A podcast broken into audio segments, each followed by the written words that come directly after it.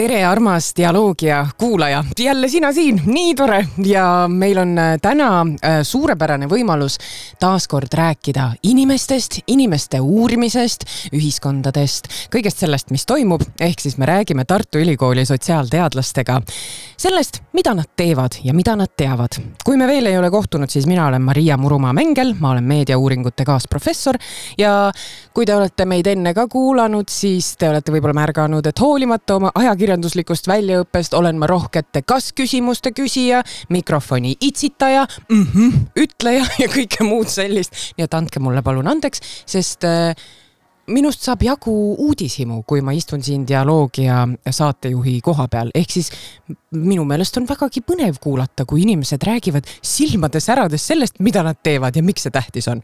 ja sellel hooajal on eriti hea võimalus olnud äh, oma uudishimu rakendada väga-väga värskete teadmiste vankri ette, ehk siis me räägime doktorantidega. tänane doktorant küll ei ole nüüd just kõige värskem viidikas, ehk siis tal on selja taga vägagi märkimisväärne karjäär, aga doktorant sellegipoolest. me oleme täna stuudios koos kriminoloogia teaduri Anna Markinaga, tere! Tere! Ehm, ma loodan, et ehm, ma ei, ehm, ei öelnud kuidagi midagi, mis võiks su tundeid haavata, et kas see pikaajaline doktorant olemine on kuidagi valuline teema või on see sinu jaoks lihtsalt, et elu on niimoodi kulgenud? elu on niimoodi kulgenud, aga äh, valuline teema ikka. aga äh, ma olen sellega harjunud, valuline selles mõttes, et äh, võib-olla teised doktorandid tunnevad end ära, et äh, see on selline kivi, mida sa äh, kannad juba aastaid ja, ja vahepealt lihtsalt äh, seisad sellega, aga vahepealt mõtled, et äh, tahaks sellest lahti saada mm. -hmm. ja nüüd äh, kolm aastat tagasi ma ikkagi otsustasin, et ma tahan sellest lahti saada. no kuidas seekord tundub?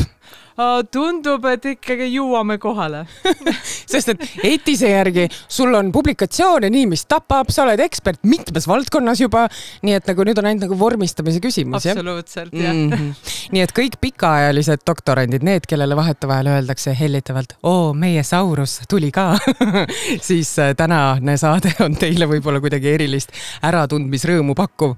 Äh, aga enne kui me saame edasi liikuda, ma palun sinu käest meile turvasõna ehk siis äh, Ähm, kui inimene armastab oma valdkonda ja on peadpidi nii sees, siis inimesed kipuvad rääkima keerukamalt, kui tavateadmised on. siis ütle mulle turvasõna, mida ma saaksin karjuda, mis annab sulle märku või noh, mitte karjuda, ma hüüan siiski niimoodi viisakalt. et äh, kui ma seda ütlen, siis sa pead selgitama stopp, stopp sõna. nii, stopp saab olema meie turvasõna, ma alati pean selle üles kirjutama, sest et muidu ma pärast olen äh, segaduses, mul lähevad juba sassi, meil on olnud matkasaapad, kohv, jääkohv, sidrunid, nagu väga erinevaid sõnu, aga täna on selleks stopp. kõigepealt räägime üldistest teemadest. Äh, ütle, mida sa üldse uurid, mis on sinu uurimisteemad? See on äh, huvitav äh, küsimus äh,. kui mind mõnikord nimetatakse meie kriminoloog, mis oleks nagu inglise keeles the criminologist see viitab sellele, et kriminoloogia on Eestis üsna vähe ja sellega seoses need teemade ring, millega ma tegelen on üsna lai ja kui sa viitasid, et publikatsioone on palju, siis ilmselt sa oled näinud ka, et need on kõik nagu erinevatel teemadel. aga siiski viimasel ajal ma olen keskendunud inimkaubandusele. mul viimane projekt lõppes nüüd äh, septembris.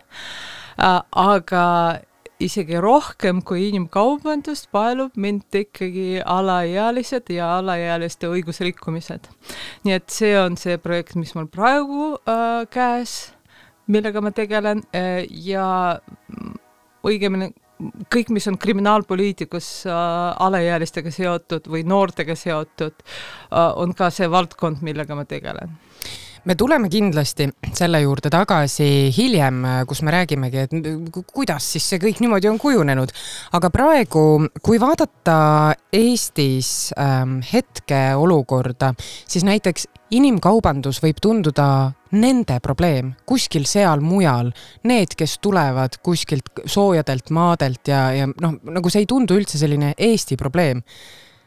Aga mulle tundub, et sina ütled, et on vägagi Eesti probleem ka on vägagi Eesti probleem äh, ja noh, siin kuna mul see pagas on nii pikk ja ma olen äh, läbinud ka kriminaalpoliitikas äh, ekspertidega suheldes üsna erinevaid äh, etappe äh,, siis see arusaam, et äh, noh, me peame midagi ette võtma, me peame inimesi äh, kuidagi aitama selles protsessis äh,, pakkuda teenuseid, rääkida probleemidest, et see arusaam on tekkinud, aga noh, lihtsalt see mõiste inimkaubandus on selline stereotüüpne, kus äh, kohe, kui ütled inimkaubandus, siis mõeldakse, oh jaa, noor tüdruk, keda varastatakse, ketiga pannakse radiaatori külge ja siis suunatakse prostitutsiooni äh,, siis viimasel ajal see arusaam on ikkagi palju laiemaks muutunud terves maailmas ja aina rohkem me räägime äh, sellisest tööalasest ärakasutamisest ja seda Eestis on parakult äh, päris palju, et kui me välistöölistest räägime.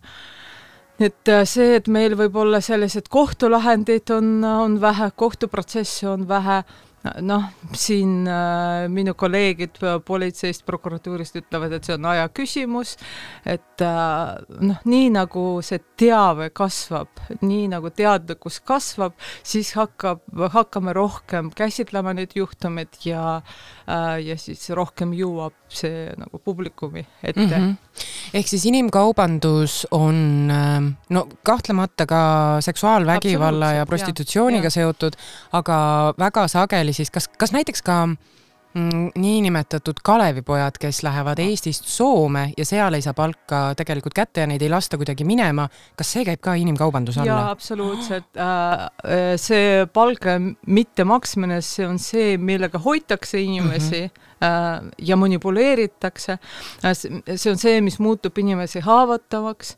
Äh, noh, jällegi, kui sa ütled Kalevipoed, siis ma ütlen, et noh, veel viis aastat tagasi ma tegin intervjuud meie inimestega Soomes et kõik need juhtumid, mis on nendega noh, saanud ja, ja kuidas nad on väga haavatavas positsioonis olnud, et äh, vahepeal lihtsalt äh, tänavale jäänud mm, -hmm. sest noh, jah, et, et lihtsalt palga mittemaksmine võib viia, noh, juhtumid on olnud, et lihtsalt inimene töötab mustalt, äh, kuna leping ei ole korralikult äh, sõlmitud, see on ka üks tunnus äh, inimkaubanduse või selle tööalase ärakasutamise tunnus, siis ta ei saa palka, siis kui midagi juhtub äh,, läheb haiglasse, äh, siis kõik need arved tuleb maksta, kuna tal kindlustus ei ole.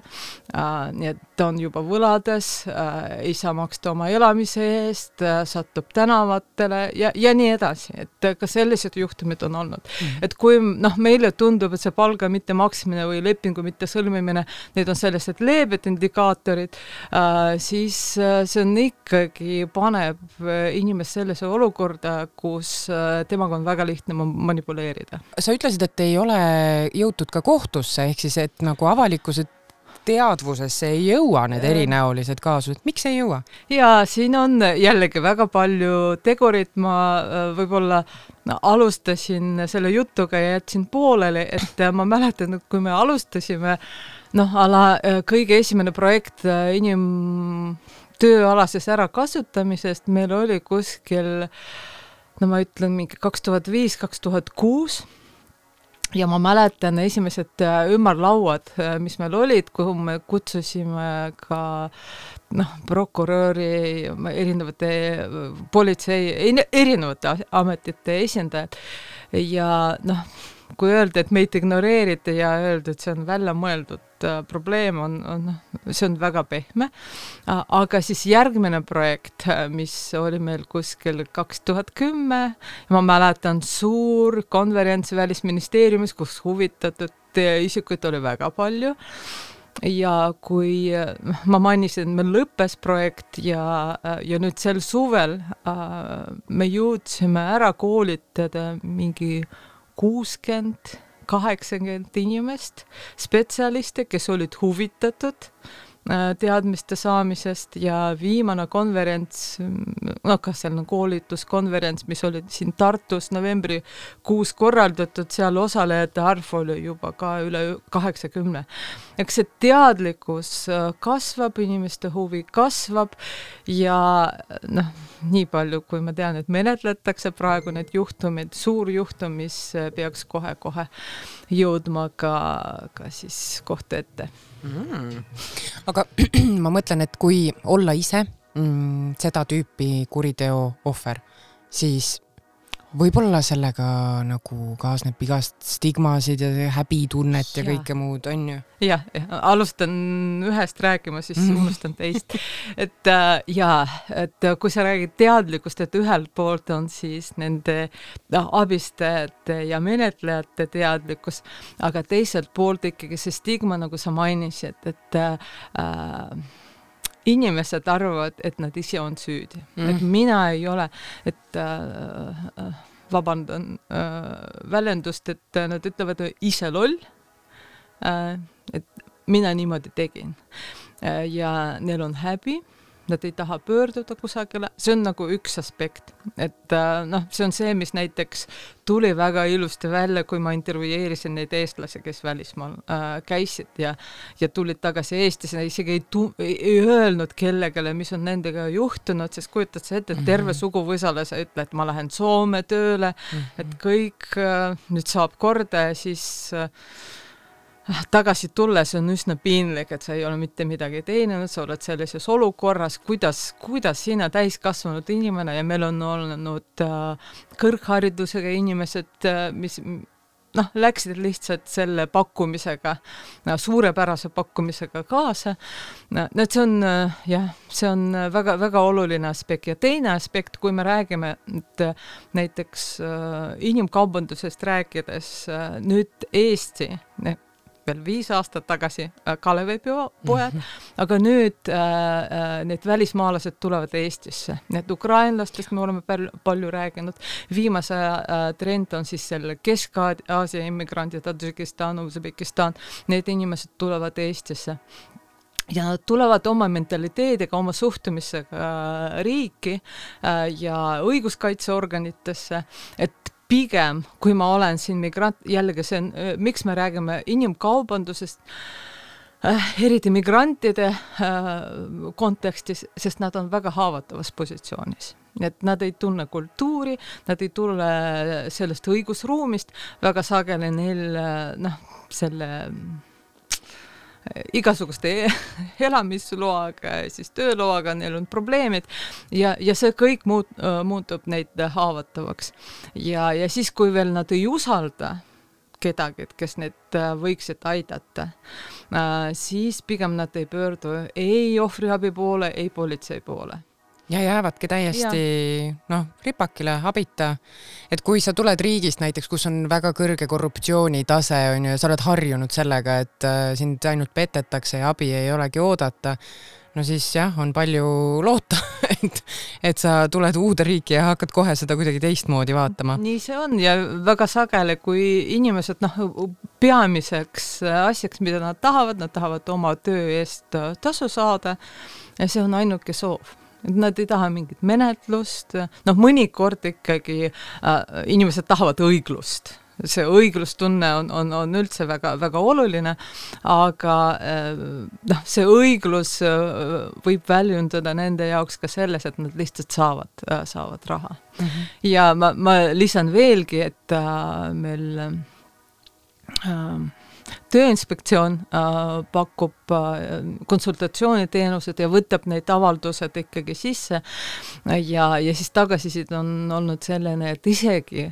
kui see, see võit, mida nad saavad, seal on mingi sada-kakssada eurot, aga see põhimõte, et see otsus on tehtud nende kasuks, on, on olnud väga oluline inimeste jaoks. kui sa saaksid äh, teha niimoodi, et kõik inimesed teavad ühte asja selles valdkonnas et nad oleksid teadlikud ja teaksid ühte asja, siis mis see oleks, mida, mida sa tahaksid, et absoluutselt kõik inimesed teaks? ohvriabitelefon üks, üks, kuus, null, null, kuus.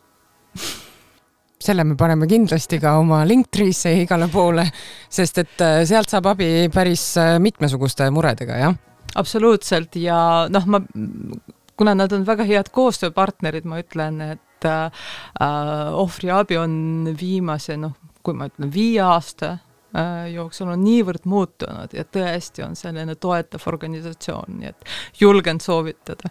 aga see toob meid äh, sinu teise suure uurimisteema juurde, ehk siis alaealised äh, ja õigusrikkumised. mida sa täpsemalt selle juures teadlasena vaatled? no praegu mul on äh, see suur uuring, äh, äh, mida me teeme äh, ja mille põhjal ma siis loodan, et ma lõpetangi oma doktorantuuri üsna, üsna varsti. Ja see on rahvusvaheline, inglise keeles kõlab International Self-Report Delinquency Study.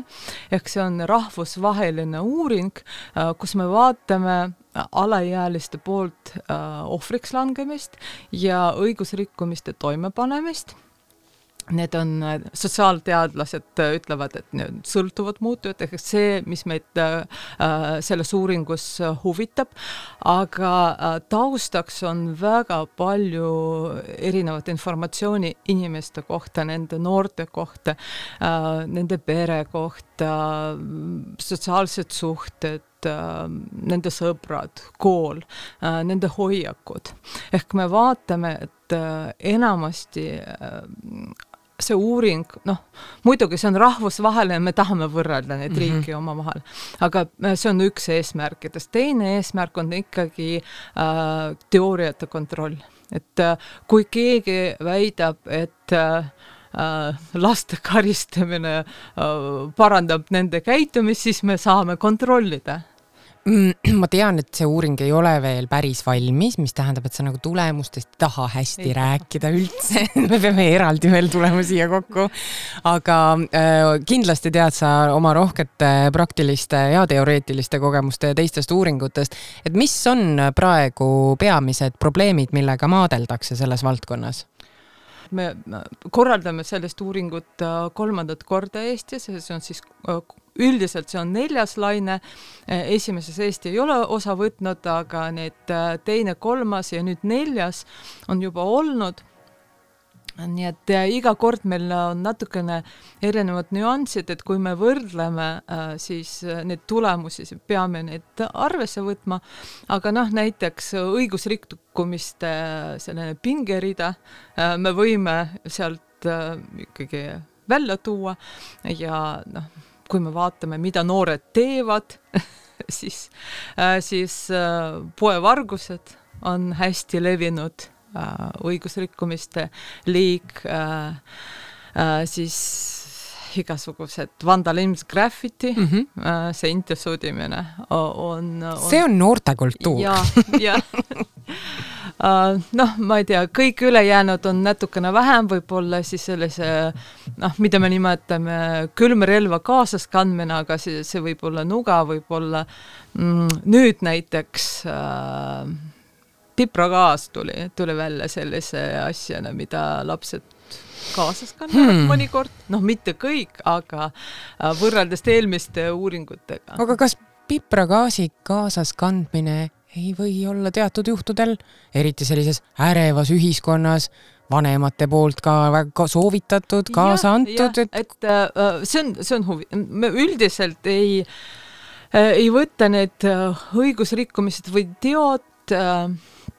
äh, niimoodi, et äh, see on ilmtingimata kuritegu. Äh, ja me ei võta neid karistusseadustiku järgi.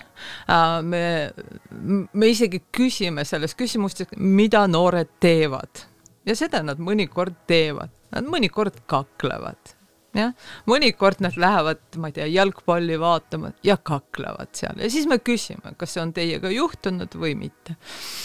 nii et äh, väga oluline, äh, kui me tõlgendame äh, neid tulemusi, siis pöörata sellele tähelepanu. sest et tead sa, ma praegu vaatan neid ja. top kolme, mida sa nimetasid, ma olen kõike teinud no.. ma olen varastanud nätsupoest, siiamaani on süümepiinad, aga ühe äh, arbuusikujulise suure nätsu varastasin ära. ma olen teinud graffitit ja ma olen ka mingil imelikul põhjusel kunagi teismelisena oli hästi äge oli, kui sul oli taskunuga, et see oli nagu oo, ma olen gängsta või mida iganes. ma olen neid kõiki asju teinud jaa, ja vaata, ma õpetan kriminoloogiat ka uh -huh. äh, ja siis ma äh,, ma räägin üliõpilastele sellest äh, vanuse ja kriminaalse aktiivsuse kõverast ja tegelikult see on teismeiga ongi selline, kus inimesed panevad igasugused õigusrikkumised toime, sotsiaalteadlasena sina tead seda ka äh, kindlasti ja, ja, ja noorusiga on just selline nagu piiride kompamine äh,, kompamise aeg. Mistõttu sul on nii raske teema, sest et ühelt poolt noh, peavad ju olema seadused, aga teiselt poolt Nad on ju alaealised, nad alles kujunevad, nad alles katsetavad, nende haju veel ei, ei saa isegi võib-olla jagu sellest. see on, see on ka väga oluline, kui me räägime kriminaalpoliitikast ja kriminaalpoliitilistest äh, lähenemisviisidest äh,. nii et äh, kui ma nüüd äh, uuringust natukene kõrvale kaldun mm, -hmm vaata, üks minu elu valdkond, äh, mis ei ole võib-olla publikatsioonides äh, kajastust äh, leidnud, on see, et mina olen vabatahtlik ja mina olen vabatahtlik konflikti vahendaja. mis see tähendab, stopp, stopp, stopp, stopp, nüüd ma tahan küll selgitust, mis see tähendab? jällegi, kui me räägime ohvriabist, siis noh, ma olen ühe jalaga seal sees.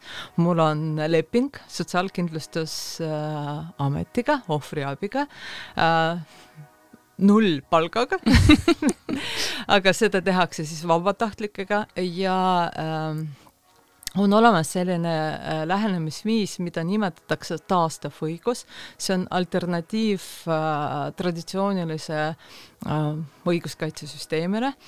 Ja äh, kui väga lühidalt äh, nimetada, siis on selline protsess äh,, mille eesmärk ei ole niivõrd äh, selgitada välja, kes on süüdi äh, ja karistada kedagi keda me leiame, et ta on süüdi, vaid võtta inimeste vahelist konflikti ja eesmärgiks on lahendada konflikt, noh, mitte lahendada, vaid äh, võib-olla aidata äh, jah, olla, pigem olla abiks või vahendajaks äh, selles protsessis, et inimesed taastavad äh, seda olukorda või vähemalt proovivad nii palju taastada olukorda, mis oli enne konflikti. ja see võib olla nii materiaalne taastamine kui ka inimeste vahelised, vaheliste suhete taastamine, noh, see inimeste vaheliste suhete taastamine on minu arust üldse kõige olulisem komponent selles protsessis ja kuna, kuna põhirõhk on taastamisel, siis nimetatakse seda taastavaks õiguseks. ja nüüd äh, noorte äh, sellest alaealiste erikohtlemise süsteemis äh, taastaval õigusel on äh, eriti pärast reformi, mis toimus alates kaks tuhat kaheksateist, on väga oluline roll. see on selline alternatiivmeede ja selle asemel, et äh, äh, karistada noort, äh, on võimalik äh, kasutada selliseid alternatiivmeetmeid, äh, see on ka väga pikk lugu, et mm -hmm. meil politsei ja prokuratuur kasutavad neid, noh näiteks nad võivad öelda selle karistuse asemel, ütlevad, et äh, noorele, et loe kuritegu ja karistus ja siis kanna meile ette mm -hmm. või, või mm, -hmm. või kirjuta mingi essee sel teemal. või kui keegi jääb vahele narkootikumidega, siis äh, tee ettekanne, kuivõrd, kuidas narkootikumid ajutegevust mõjutavad mm, -hmm. noh, mhm. midagi taolist, mis nagu paneks noort mõtlema oma teole mm. -hmm, et mitte, et äh, paha, paha on, sa ja. oled äh, halvasti käi-, halb laps, see on veel kõige parem, halb laps äh,. ma mäletan, Maria Žuravljova rääkis sellest noorsootöö kontekstis mm -hmm. ja ütles ka, et see on nagu raamistik, mis aitab jällegi seda stigmat, et sa oled paha noor, sa oled paha laps et sellest eemale hoida, sest et tegelikult ei ole ju absoluutselt, absoluutselt ja see läheb väga ilusti kokku äh, nagu sellega, mida sa varem mainisid, et noorena me oleme kõik seda teinud mm. -hmm. ja lihtsalt see on juhus, kuidas meie teole reageeriti mm. -hmm. et äh, kui kogu aeg nagu iga järgmine äh, tegu kinnitab seda, et sa oled paha, sa oled paha, sa oled kurja, sa oled pätt, äh, siis äh, see lähebki, noh, me teame märgistamises, et kuidas see kõik, äh, kõik hakkab, hakkab veerema aga jah, taastav õigus annab äh, teist võimalust ja selle raames on võimalik selline konflikti vahendust. ehk äh, on olemas sellised inimesed, kelle poole siis äh, võib pöörduda ja kes aitavad seda protsessi, et osapooled, konflikti osapooled lihtsalt istuvad koos ja siis äh, äh, räägivad, mida see tegu nende jaoks äh, üldse tähendas, et mida iga inimese äh, tundis sel, sel momendil, kuidas see mõjutas, keda see mõjutas äh, ja nii edasi. et see kasvatab seda empaatiatunnet äh, inimeses, et ta saab äh, aru sellest, mida ta tegi ja mida ta põhjustas. ma ei tea, kas sa saad rääkida sellest, aga kas sul on tuua mõni eriti hästi, mitte lahenenud siis, vaid just nimelt niimoodi vahendatud või kuidagi selline situatsioon, mille juures sa said olla ja olla abiks? no võib-olla ma räägin, see kõige viimane, viimasem juhtum mul nüüd oli novembris, me alati teeme seda kolleegiga, et kaks vahendajat ja see oli siis äh, noor ja õpetaja, kus noor postitas äh, Äh, sotsiaalmeedias äh, mingi pildi solvava tekstiga äh, õpetajast ja see asi jõudis, no siis kooli juhtkond otsustas, et nad kutsuvad politseid. ja, ja siis politsei ütles, teate, et proovige sinna konflikti vahendusse minna. ja noh, mulle tundub, et see oli selline huvitav juhtum. Äh, lõppude lõpuks jõudsid osapooled äh, kokkuleppele, aga see oli ka raske juhtum, et see kokkuleppele jõudmine võttis meil äh, üle kahe tunni aega ühiskohtumisel ja iga osapoolega tunnikest me rääkisime enne seda, selleks, et ette valmistada. ja siis noh seal suurt sõprust äh, muidugi ei ole, äh, ei ole sündinud, aga see, et laps saab kooli lõpetada ja tunnis osaleda, äh, see oli üks asi, et kuidas nad seda teevad ja kuidas nad lahendavad need olukorrad, kus pinge tekib, sest tundus, et pinge neil eksisteeris juba aastaid. no sest, et see tuleb ju ja, kuskilt, jah mm. -hmm. ja mulle väga meeldis, et äh, selles kokkuleppes äh, leidsid nad viise, kelle poole nad saavad pöörduda, et kui nad ei saa teineteisega rääkida, et nad ise pakkusid välja, et noh, õpetaja jaoks on kolleeg ja siis õpilase jaoks on siis õpetaja, keda ta usaldab ja, ja edaspidi, kui midagi taolist juhtub, siis nad ei hakka otsima politsei abi või ohvriabi, vaid proovivad konflikte lahendada ise hoiame pöidlaid. absoluutselt. see on muidugi minu jaoks väga põnev kaasus, sest et sotsiaalmeedia ja võimusuhted ja, ja kõik ja. nii edasi. aga seda tüüpi probleeme kindlasti ühiskonnas, äh, infoühiskonnas äh, on väga-väga palju. lisaks sellele, et on ähm, kõikvõimalikke selliseid pehmemaid meetmeid, on ikkagi karistused ka ja, ja sellised nagu jäigad ähm, normid ja, ja ettekirjutused. Kuidas sulle tundub, kas Eesti õigusruum peegeldab seda, millega praegu inimesed rinda pistavad, et kas, kas meil on seadused nagu ajakohased või on midagi, mis karjub sinu jaoks, et aa, sinna ruttu, ruttu, ruttu oleks vaja muutust? ma arvan, et äh, meil tuleb veel natukene oodata. Äh, ma, ma siin itsitaks, et äh, itsitan, sest me alles koos Rakkega lõpetasime mm, selle viimase reformi hindamist mm, -hmm. et nagu ma ütlesin, kaks, kaks tuhat kaheksateist, esimene jaanuar jõustus meil siis absoluutselt uus lähenemisviis, selline lapsesõbralik, ma ütlen, lähenemisviis Äh, siis alaealiste erikohtlemisele. Ja nüüd äh, kakskümmend üks, no kolm aastat äh, pärast seda avaldasime me seda raportit vist kakskümmend kaks, me hindasime, et kuidas, kuidas see reform töötas. muidugi me leidsime kohad, kus ei tööta, üldjuhul ehkki tundub, et need mõjutusvahendid ja noh, ma ei taha öelda karistus, sest seal äh, see uus lähenemisviis on võimalikult palju alternatiive, kuidas saab lapsi mõjutada äh, sellise äh, noh, karistuse, karistuse asemel. Ja, ja just nagu eesmärk on selline, et karistus, mis on sellest teost niivõrd kaugel, kuna ikkagi menetlus võtab aega on üsna sageli äh, lapse jaoks äh, arusaamatu ja äh, tegu ja karistus omavahel ei ole seotud. karistused, ehkki nad on üsna ranged ja jäävad, jätavad jälje ja siis jätavad kusagile registrisse märge, et, et laps on karistatud, nad on üsna ebaefektiivsed olnud ja seetõttu ikkagi äh, praegu pärast reformi suunatakse rohkem äh, noh, proovitakse mõjutada last, kas mingi programmi kaudu või tegevuse kaudu või selle äh, minu poolt juba mm -hmm. käsitletud taastava õiguse meetmete kaudu, ehk idee on selline, et me äh, nii kaua, kui me saame äh, inimese käitumist mõjutada ja kõik uuringud ütlevad, et just nagu nooremas eas me saame seda teha. ja, ja me näeme seda kõverat, et, et ikkagi enamus loobub kuritegudest äh, või kuri, kuritegevust karjäärist mm., ütlevad kriminoloogid äh,.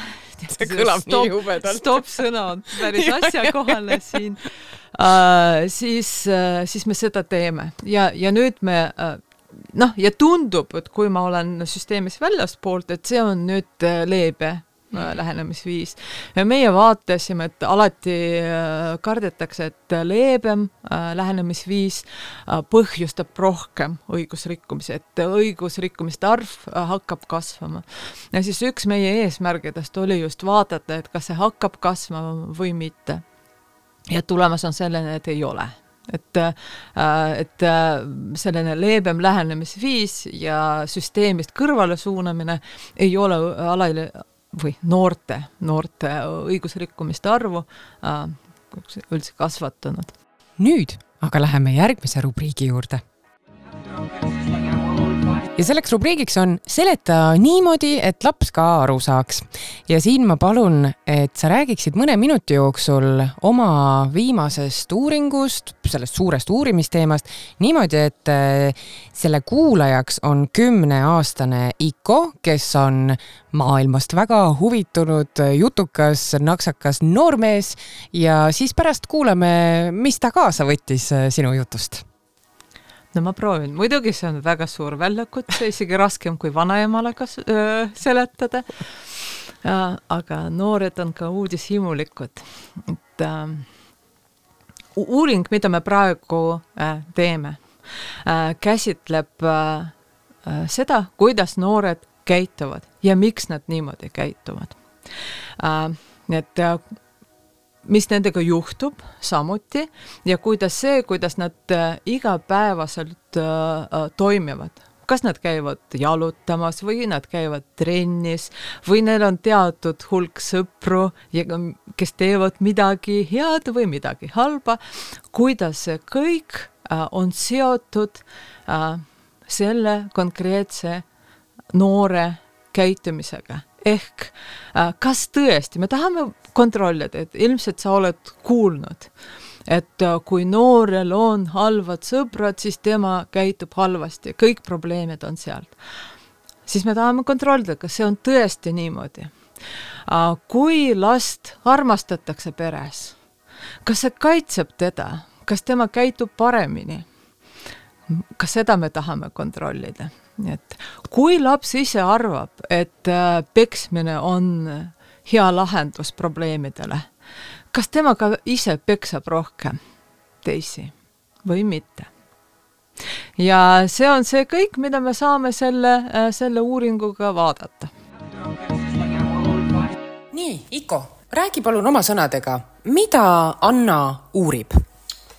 No millest mina aru sain, on see, et kuidas nii-öelda, et ta uurib seda, et kas, kui nii-öelda noorte äh, vanemad on vägivaldsed või õpetavadki, et ah, see on okei okay, mingeid äh, teisi nagu peksta niimoodi. et kas siis lapsest nii-öelda muutubki kuskil tänavatel nii-öelda äh, peksjaks või, või siis, kui on just armastust näidatud, siis et kas laps siis nii-öelda on ka parema käitumisega ja nagu teeb paremaid otsuseid elus ja see ka, et kui sõbrad, et kas sõbrad mõjutavad ka palju, et kui ongi halvad sõbrad, siis sa ei pruugi, siis sa pruugid ise muutuda ka nagu siukseks halvemaks inimeseks mm. -hmm no sina ei ole uuringut läbi viinud, aga kahjuks, aga kui ma küsiksin sinu käest ilma uuringuta, et mis sa arvad, äh, kuidas sõbrad mõjutavad laste ja noorte elu?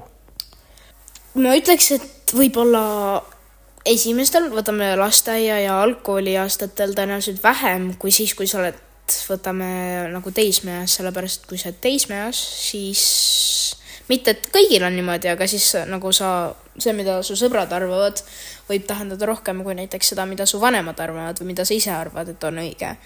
ja siis, kui sa, ja siis, kui su nii-öelda sõbrad siis ütlevadki, et mingi, et aa, teen näiteks seda, mis siis nii-öelda praegult on, võtame mingi kuri või halba tahtev asi, siis noh, sa nagu allud sellele survele, vaata mm. -hmm. mis sa arvad, mis on äh, põhilised pättused, mida noored teevad äh,? tänapäeval ma ütleks, et interneti nagu poole või nagu meedia ja selle. aitäh sulle, Iko äh,. palun, palun ja aitäh sulle ka aga nüüd me saame rääkida sinu äh, sellest uuringust, millest tulemustest ei saa veel rääkida aga ikkagi natukene äh, lähemalt. ja tegelikult ma tahaks äh, kõigepealt ähm, sinu käest teada, et kas see uuring, mida nüüd tehakse juba siis kolmas kord Eestis mm,, kas see on selline uuring, mida Eestil on kindlasti vaja hoida? Äh, kas see, kas see on siiamaani andnud mingeid selliseid tulemusi, mis on aidanud päriselt asju muuta?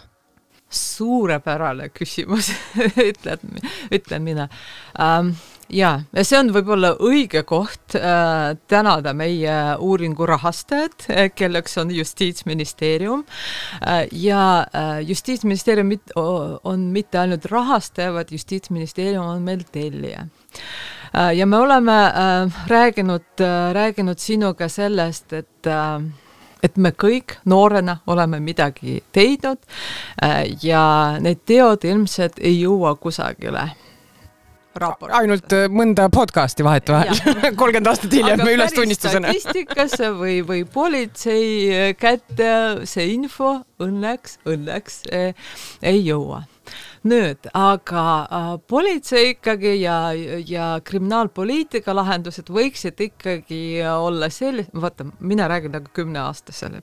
mulle väga sobib see, mulle hästi sobib väga, see väga selle äh, rolli, et äh, ikkagi need kriminaalpoliitilised äh, otsused äh, võiksid olla äh, ikkagi teaduspõhised.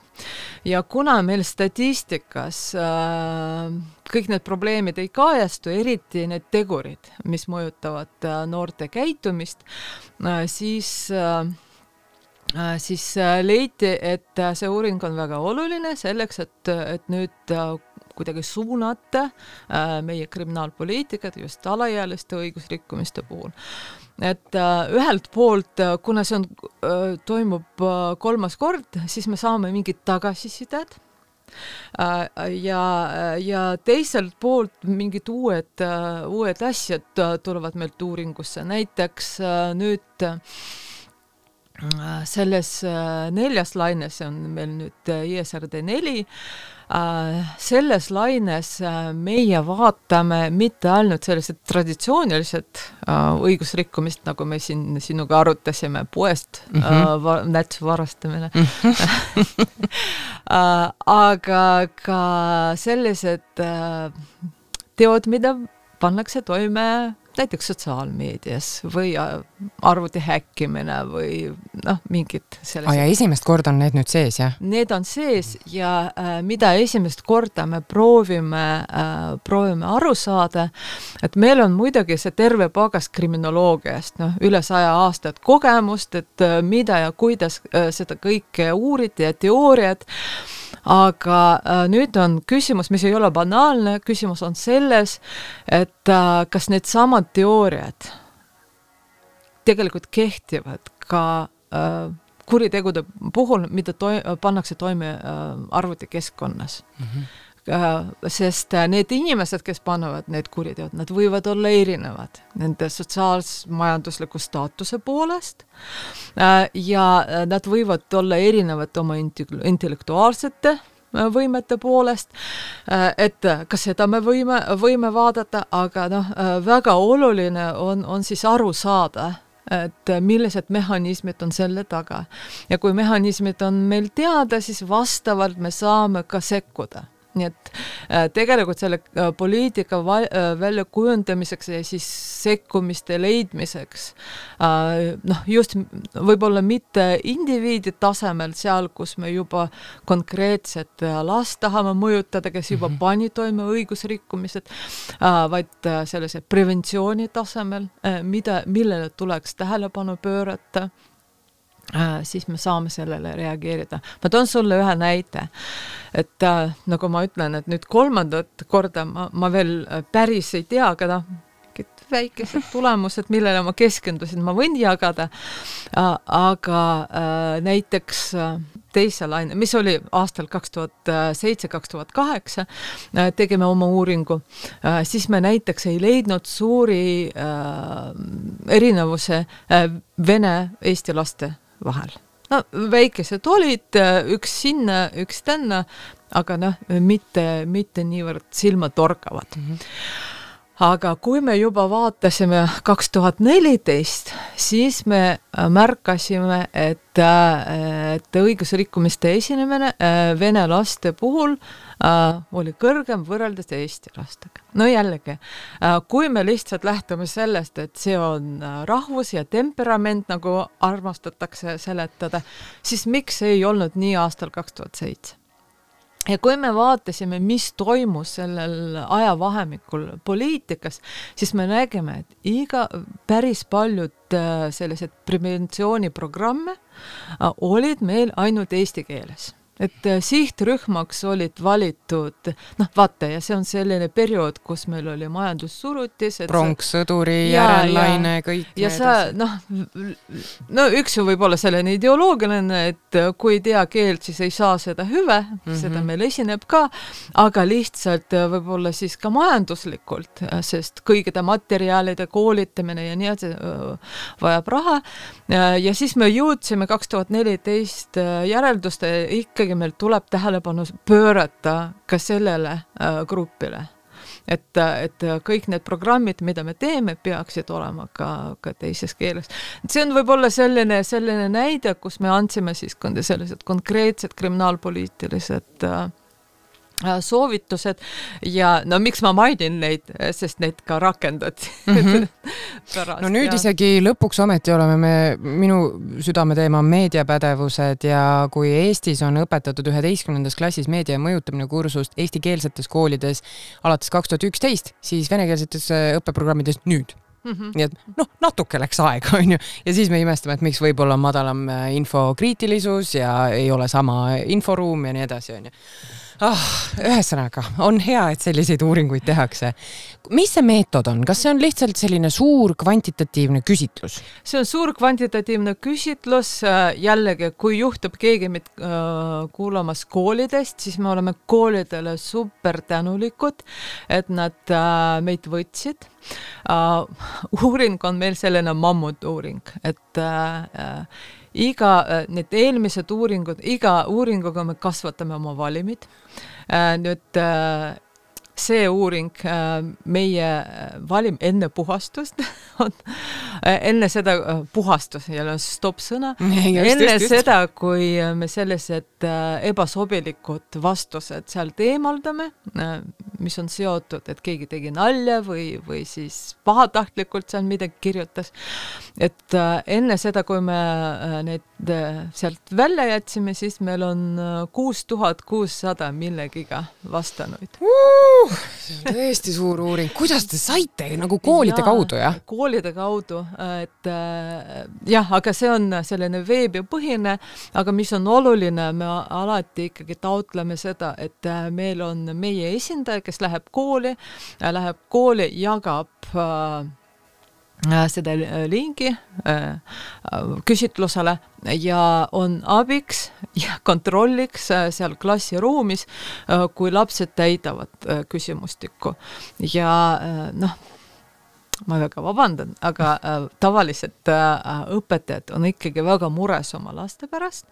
Äh, ja äh, noh, olukorras ja need on olnud nii Eestis kui ka teistes riikides, äh, kui läbi viijaks on äh, näiteks klasside juhataja või lihtsalt mingi erialaõpetaja, äh, siis üsna sageli nad tunnevad huvi, et mida seal. sa vastasid õigesti ja, ja, ja ega sa ometi ei aitab, pannud ju? aitab mhm. natukene. -hmm. aga mis, kuna vaata, see on üsna tundlikud teemad, siis, äh, siis me ei taha, et õpetaja neid äh, näeks ja selleks, et garanteerida anonüümse, anonüümsust, me, me siis saadame oma esindajad ka sinna klassidesse. väga mõistlik, mitte üldse nagu, et paha pärast on ju, õpetajad ju väga hoolivad oma lastest, no aga, aga selline. ma ütlen, et, et see ei ole niivõrd kontroll, et noh, mõnikord me oleme liiga hoolivad, et mm. -hmm. tahaks kaitsta igast ja. asjade eest ja hoida mainet ja, ja noh, et äkki veel jäävad digijäljed kuskile maha ja neid hirme on ju igasuguseid, nii et õpetajad on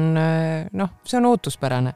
Ehm, mille üle mm, sinu valdkonnas vaieldakse, kas, kas on mingisugused teooriad või mingid tulemused, mille ümber käib nagu hull möll, et kas see on nii või ei ole nii? noh, et mingid koolkonnad isegi ja konverentsidel läheb iga kord pooleldi löömaks ja nii edasi tead, see on nii huvitav, et üldiselt konverentsidel on kõik väga viisakad, et äh, ma ei tea, mis sinu kogemus on, aga, aga mingit sellist väga suurt vaidlust. no veinilauas hiljem mm,. siis minnakse küll kaklema, no mitte kaklema, verbaalselt äh, sõnelema. et äh, tead, mul isegi praegu ei noh et ma hiljuti käisin äh, Ameerikas, oli American Society of Criminology suur konverents et mida ma ütlen, et võib-olla need äh, mitte niivõrd vaidlused, vaid äh, teemad, mis tunnevad olulised Mm -hmm. noh, mhm. et ma jällegi äh, rääkisin täna oma panusest sinna taastavasse õigusesse äh,. noh, näiteks, oh, ja muidugi vaidlused äh, käivad, käivad suured vaidlused äh, mitte niivõrd teadlaste, vaid praktikute käest, et äh, kuivõrd üldse see taastava õiguse lähenemisviis hea või mitte et äh, just võimusuhted äh, sinna peale ja nii mm -hmm. edasi, see on selline äh, valulik koht. aga võib-olla noh, ma jätkan oma, oma mõtet et, et see, millele tähelepanu pööratakse, et kui Euroopa konverentsides see taastav õigus on ikkagi väga olulisel kohal, siis näiteks Ameerikas noh, see oli marginaalselt samal ajal äh, rassi ja diskrimineerimise küsimustega seoses arutatakse Ameerikas äh, üsna palju.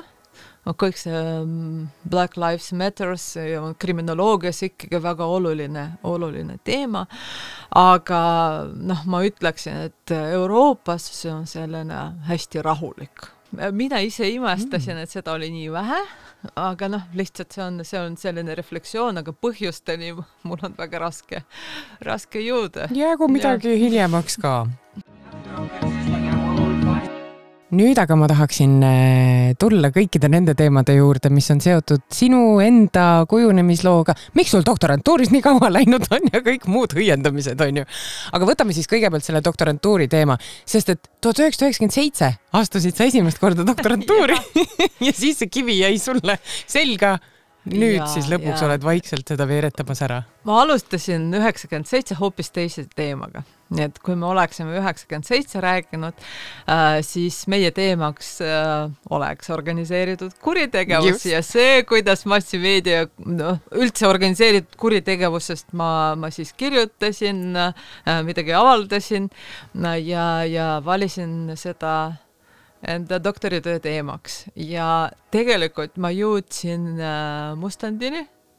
mul oli see valmis ja lihtsalt äh, see teema mind enam ei kõnetanud et äh, noh, ma ei tea, mulle tundus, et see on niivõrd lahja mm. kuidagi. organi-, see on maffia värk ju, kuidas see lahja on ma, ma ei oska, ma ei oska öelda, aga ma ütlen, et mul olid need äh, artiklid, publikatsioonid ja isegi katus kirjutatud ja ma ei olnud sellega rahul, et äh, võib, no ma, ma ei oska öelda, võib-olla mul need ootused on mm -hmm sellised. aga see on vist ka doktorantidele üsna selline tüüpiline hetk, sest et ma mäletan samamoodi, mul olid kõik asjad olemas, esimene versioon oli ka katusest olemas ja siis ma tundsin, et ma lihtsalt, ma ei taha enam, ma hakkan oksele, kui ma seda näen veel kord, ma tahan midagi muud teha. ja siis mu armas juhendaja võttis mu kõrvale, ütles kõik elavad selle läbi, nüüd hingad, nüüd võtad selle ühe lehekülje, siis võtad selle teise lehekülje, noh, mina muidugi ei tundnud seda päris küllastumust sellest teemast, aga see vist on niisugune üsna universaalne tunne ja ma kujutan ette, et sul oli samamoodi, et sa tegid juba tuhandet äh, asja tööalaselt ja siis see oli lihtsalt üks. ja, ja, ja see, et tööalaselt tuleb äh, teisi asju teha pidevalt ja noh, siin muidugi see kõlab äh, teadlaste halana, aga noh, kuna kõik see on projektipõhisus, sul jällegi tulevad uued teemad ja, ja nii edasi ja nii edasi mm, -hmm. et ja liigudki edasi, onju jah, ja siis kõik küsivad, et sul on nii palju publikatsioone, miks sa ei, miks sa ei vormista, aga kui sa teed neid lahti, nad on kõik erinevad, noh. et väga kunstlikult lihtsalt sinna katuse peale panna nagu ei tahaks. ja võib-olla veel üks aspekt, ma ei tea, kas ma olen sellest rääkinud või mitte, vaata mina üsna kaua töötan Tartu Ülikoolis ja siis lihtsalt mingi väga halva kvaliteediga doktoritööd esitada oleks häbi. seda küll, sul on see ekstra selline, et kõik loevad, kõik on nagu no vaatame siis, kuidas õppejõul läheb, onju. nii et jaa, oh jummel, sul on hoopis teistsugused pained kui tavalisel doktorandil. aga alguses sa olid hoopiski matemaatikast huvitunud. mis ma, matemaatika, ma lõpetasin Tartu Ülikooli matemaatika cum laude. nii, kust, kust see huvi tekkis, kas sa olid alati selline, pigem see reaali plika ja nii edasi? ma olin alati, et kõik ma, vaata, ma olen Tartust pärit ja siis kõik need äh, matemaatika olümpiad või mis on siin mm -hmm. nüüd Mart Reiniku tol ajal siis kümnendas koolis nii et äh, talviti, et äh, see, seda kõike ma olen läbi elanud ja ma noh, vaata, ma arvan, et kuskil keskkooli kuuendast klassist juba, noh, seitsmendast raudselt mina teadsin, et mina õpin Tartu Ülikooli matemaatikateaduskonna. Uh, nii, seal ei olnud, vaata, isegi minu tee ei olnud niivõrd põnev, et äh, mina teadsin, kuhu ma lähen ja siis aga miks? Kas sul oli eeskujusid või sulle lihtsalt ei, meeldisid numbrid? lihtsalt äh, matemaatika on nii huvitav et et ma läksin sinna ja ma ütlen, et ma ütlesin, et äh, mul on äh, cum laude, mõned neljad on seal sees ja kõik neljad on sotsiaalteadused pluss statistika. ja vaata nüüd ennast. Ja. Vaata nüüd ennast, kuhu sa jõudsid. ja, ja. Aga kui sa küsid, et kuidas ma siis äh, sotsioloogide juures, äh, noh, vaata, ma lõpetasin ja siis äh, oli üks koht hälbiva käitumise sotsioloogia laboris Eduard Raske oli selle juht ja siis ma sattusin nende juurde tööle mm. -hmm.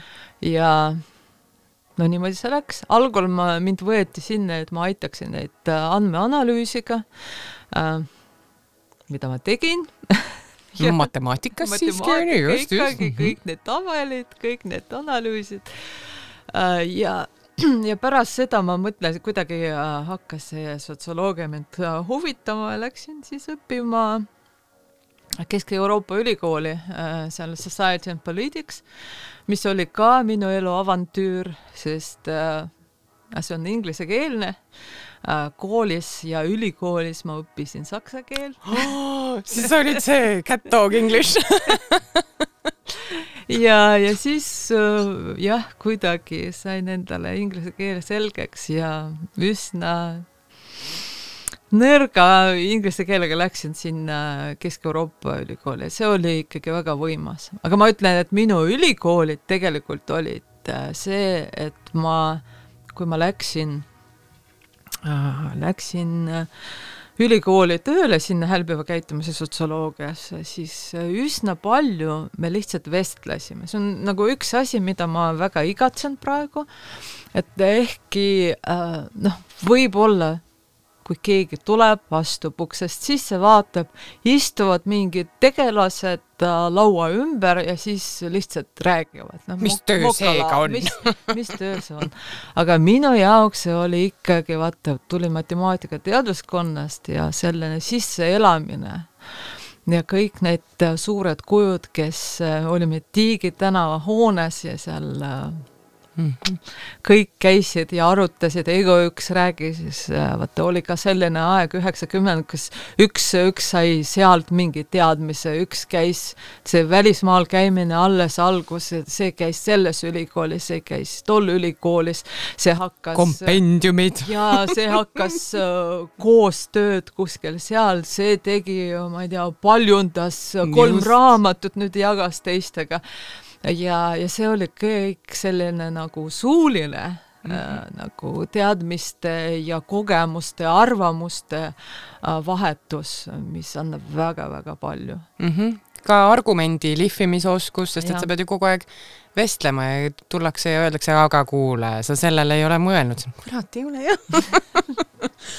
sellest on rääkinud teised ka, kes on saanud kogeda seda teistsugust ülikooli, et äh, selline vestluslik koridorikultuur ja kohvitoa selline noh, pikem jutu formaat hakkab just nagu ära kaduma, et meil on Zoomi mhm. koosolekud ja need on ka, et tuled täpselt siis, kui kell saab üksteist null null onju ja lahkud siis, kui lastakse, et ega keegi eriti rääkima ei kipu jääma seal. aga inimesena on sageli öeldakse niimoodi, et äh, ütle mulle, kes on su sõbrad ja siis ma ütlen, kes sina oled. kes sinu sõbrad on?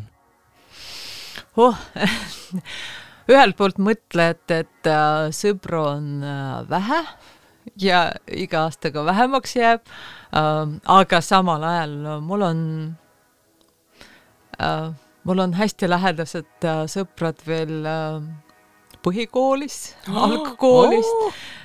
Tegelikult meilt on kui nad kuulavad siis meil on vi viis sõbrand, peame väga nagu, hoiame teineteisest suhtleme, ehkki äh, kõik äh, elame erinevates riikides praegu, aga see ei sega meid, see on ühelt poolt, siin majas töötab Judit, kes on väga suur sõbranna mulle, kellega ma alustasin, kui ma tulin sinna hälbiva käitumise sotsioloogia laborisse, ta on üks minu kolleegidest ja, ja kellest sai väga suur sõber. eeskujuga need Judit armastan sind.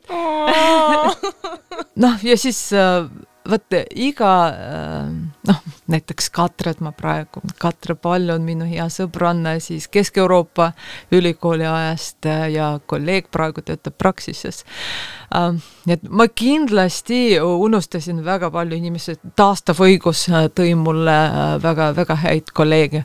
Marinaga me oleme koolitajaks nagu koolitatud ja neid läbi viinud ja ühe seitsmepäevase koolituse läbiviimine teeb peaaegu sugulaseks jah, et kindlasti ma unustasin, unustasin kedagi, aga, aga jällegi vaata see karjäär äh, toob inimesi juurde ja no mis on huvitav ka rahvusvaheliselt, mul on hästi lähedaseks sõbraks saanud, saanud kolleegid. Ja ja kellega võib-olla üks, no mitte ainult konverentsid, üks ühisprojekt, teine ühisprojekt, kolmas ja siis, siis noh. No siis sa juba tunned inimest ka stressiolukordades ja väga nagu kitsastes äh, tähtaegades onju. me oleme ülisujuvalt läinud edasi järgmise rubriigi juurde, mis põhimõtteliselt ongi avaliku armastuse avaldamine kõikidele nendele inimestele, keda sa oled pidanud väga mõjukaks.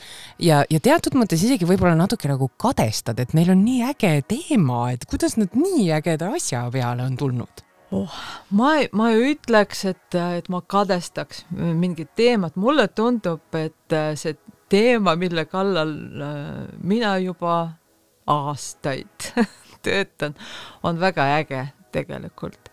Ähm, ja ma lihtsalt, ma armastan inimesi enda ümber. Äh, mul on toredad kolleegid, äh, mul on meie karistusosakonna juht Hanneli Soon, suurepärane, väga toetav ja ühtlasi ta on minu juhendaja nüüd karistusosakond muidugi kõlab nii hästi. karistusõiguse osakond, vabandust see kõlab täpselt nagu mingi dungeon kuskil, mingi piitsad ja kõik karistusõiguse osakond, et äh, Need on kõik minu kolleegid äh, Tallinnas, nendega ma suhtlen äh, rohkem ka väga toredad, toetavad, lõbusad. Ähm, jah, aga ma, ma ei ütleks, et mul on mingi mingi kadedus äh, nüüd äh, teema osas, et äh, kui ma tahan mingit teemat uurida, siis ma pigem ise uurin ehk siis ei ole vaja tunda kadedust üldse, muidugi, kui keegi uurib orhideed vahest, kui ma tulen, teen intervjuud vanglas või, või mingit narkosõltlastega, tulen tagasi, mõtlen, miks ma ei uuri orhideed näiteks. või linde. sest et näiteks Marko Mägi, ma iga kord, Marko, sa vist luksud kogu aeg, sa oled mul kogu aeg näitena meeles, ma ei tea, sa elad täiesti rendi vabalt mu peas, aga Margo Vägi, ornitoloog, uurib äh, linde ja siis ma sageli vaatan tema neid rännakuid, kuidas ta kõnnib äh, näiteks Tartu parkides ja siis on oi, aga vaadake! ja siis näitab väikest videot niimoodi, aga vaadake, siit on keegi kõndinud, lähme vaatame kes see oli siis mul on nagu, kui äge töö sul on ma kujutan ette, et mina uuriksin nagu, vaata, mina viljan ka kvalitatiivset uuringut ja siis teed, teed äh, vaadake okay., kes ja, siit vaadake, läinud on. kes tuli, kelle jäljed siin on täpselt. ja nüüd ma pean seda, seda osa ma pean äh, väga tõsiselt võtma, sest et äh, muidu teised doktorandid ähm, ei anna mulle andeks anna soovitusi äh, nendele, kes on alles võib-olla akadeemiaga liitunud ja kes sätivad oma samme iseseisva teadlase karjääri äh, teel. mida sa tahaksid, et sa oleks teadnud, aga sa ei teadnud või mis võiks olla täna kasulik äh, doktorantidele? mida ma arvan, et äh, mõjutas näiteks äh, minu teed äh, nii pikaks, on see, et sa teed seda üksi omaette ja vastavalt mina soovitaksin ikkagi doktorantidele olla kogu aeg kuskil, no kui on võimalus kirjutuslaagrisse minna, minge. Isegi kui te kirjutate pool lehekülge seal, teie suhtlete teistega, te jagate samasugused mured, te näete, kus teised on, te õpite mingid nipid ja te tunnete seda nagu kuuluvustunnet et äh, lihtsalt te saate aru, et äh, teised lähevad seda teed, äh, sind ei ole üksi jäetud ja nii edasi. kui on võimalik mingid ained võtta, sest ma tõesti, see semester ma ei jõudnud ühtegi ainet võtta, ehkki punktid mul on täis, aga, aga lihtsalt sa õpid midagi uut see on suurepärane, sulle antakse võimalus midagi, midagi uut õppida. nii et äh, võtke need doktorantide ained, äh, nii et äh, osalege aktiivselt, et lihtsalt looge endale doktorandi identiteet, et see, mulle tundub, et see mure, et meil igas osakonnas võetakse üks-kaks doktoranti aastas, sellest kriitilist massi võib-olla ei tekita, igaüks elab oma elu kuskil ja, ja see võib, võib mõjuda ikkagi halvasti, nii et äh, hoidke koos. Väga mm -hmm. lühidalt. See on väga hea soovitus. Ja võib-olla nüüd on ka ikkagi pisut see olukord muutunud, ehk siis inimesed saavad vähemalt teoreetiliselt äh, teha sellist veidi pühendunumat tööd, kui nelisada või kuussada eurot äh, toetust võimaldas. et, et ehk on võimalik kokku hoida ka näiteks oma valdkonna doktorantidega, mitte ainult oma eriala doktorantidega ja tõepoolest koos tegutseda ja, ja ma toetan seda väga ja siis ma veel ühte asja ütlen. ärge olge ainult Zoomis, tulge ka kohale. ja palun, kõik õppejõud kirjutavad alla sinna aitäh sulle, Anna, et sa tulid külla ja rääkisid nii ausalt ja nii mitmekülgselt kõigest sellest fantastilisest, mida sa teed. ma olen kindel, et me kohtume veel siis, kui see uuring on valmis, on ju, ja on tarvis äh, vaadata sellele sügavamalt otsa aitäh, aitäh, et küsisid, väga põnevad küsimused ja aitäh, et kutsusid.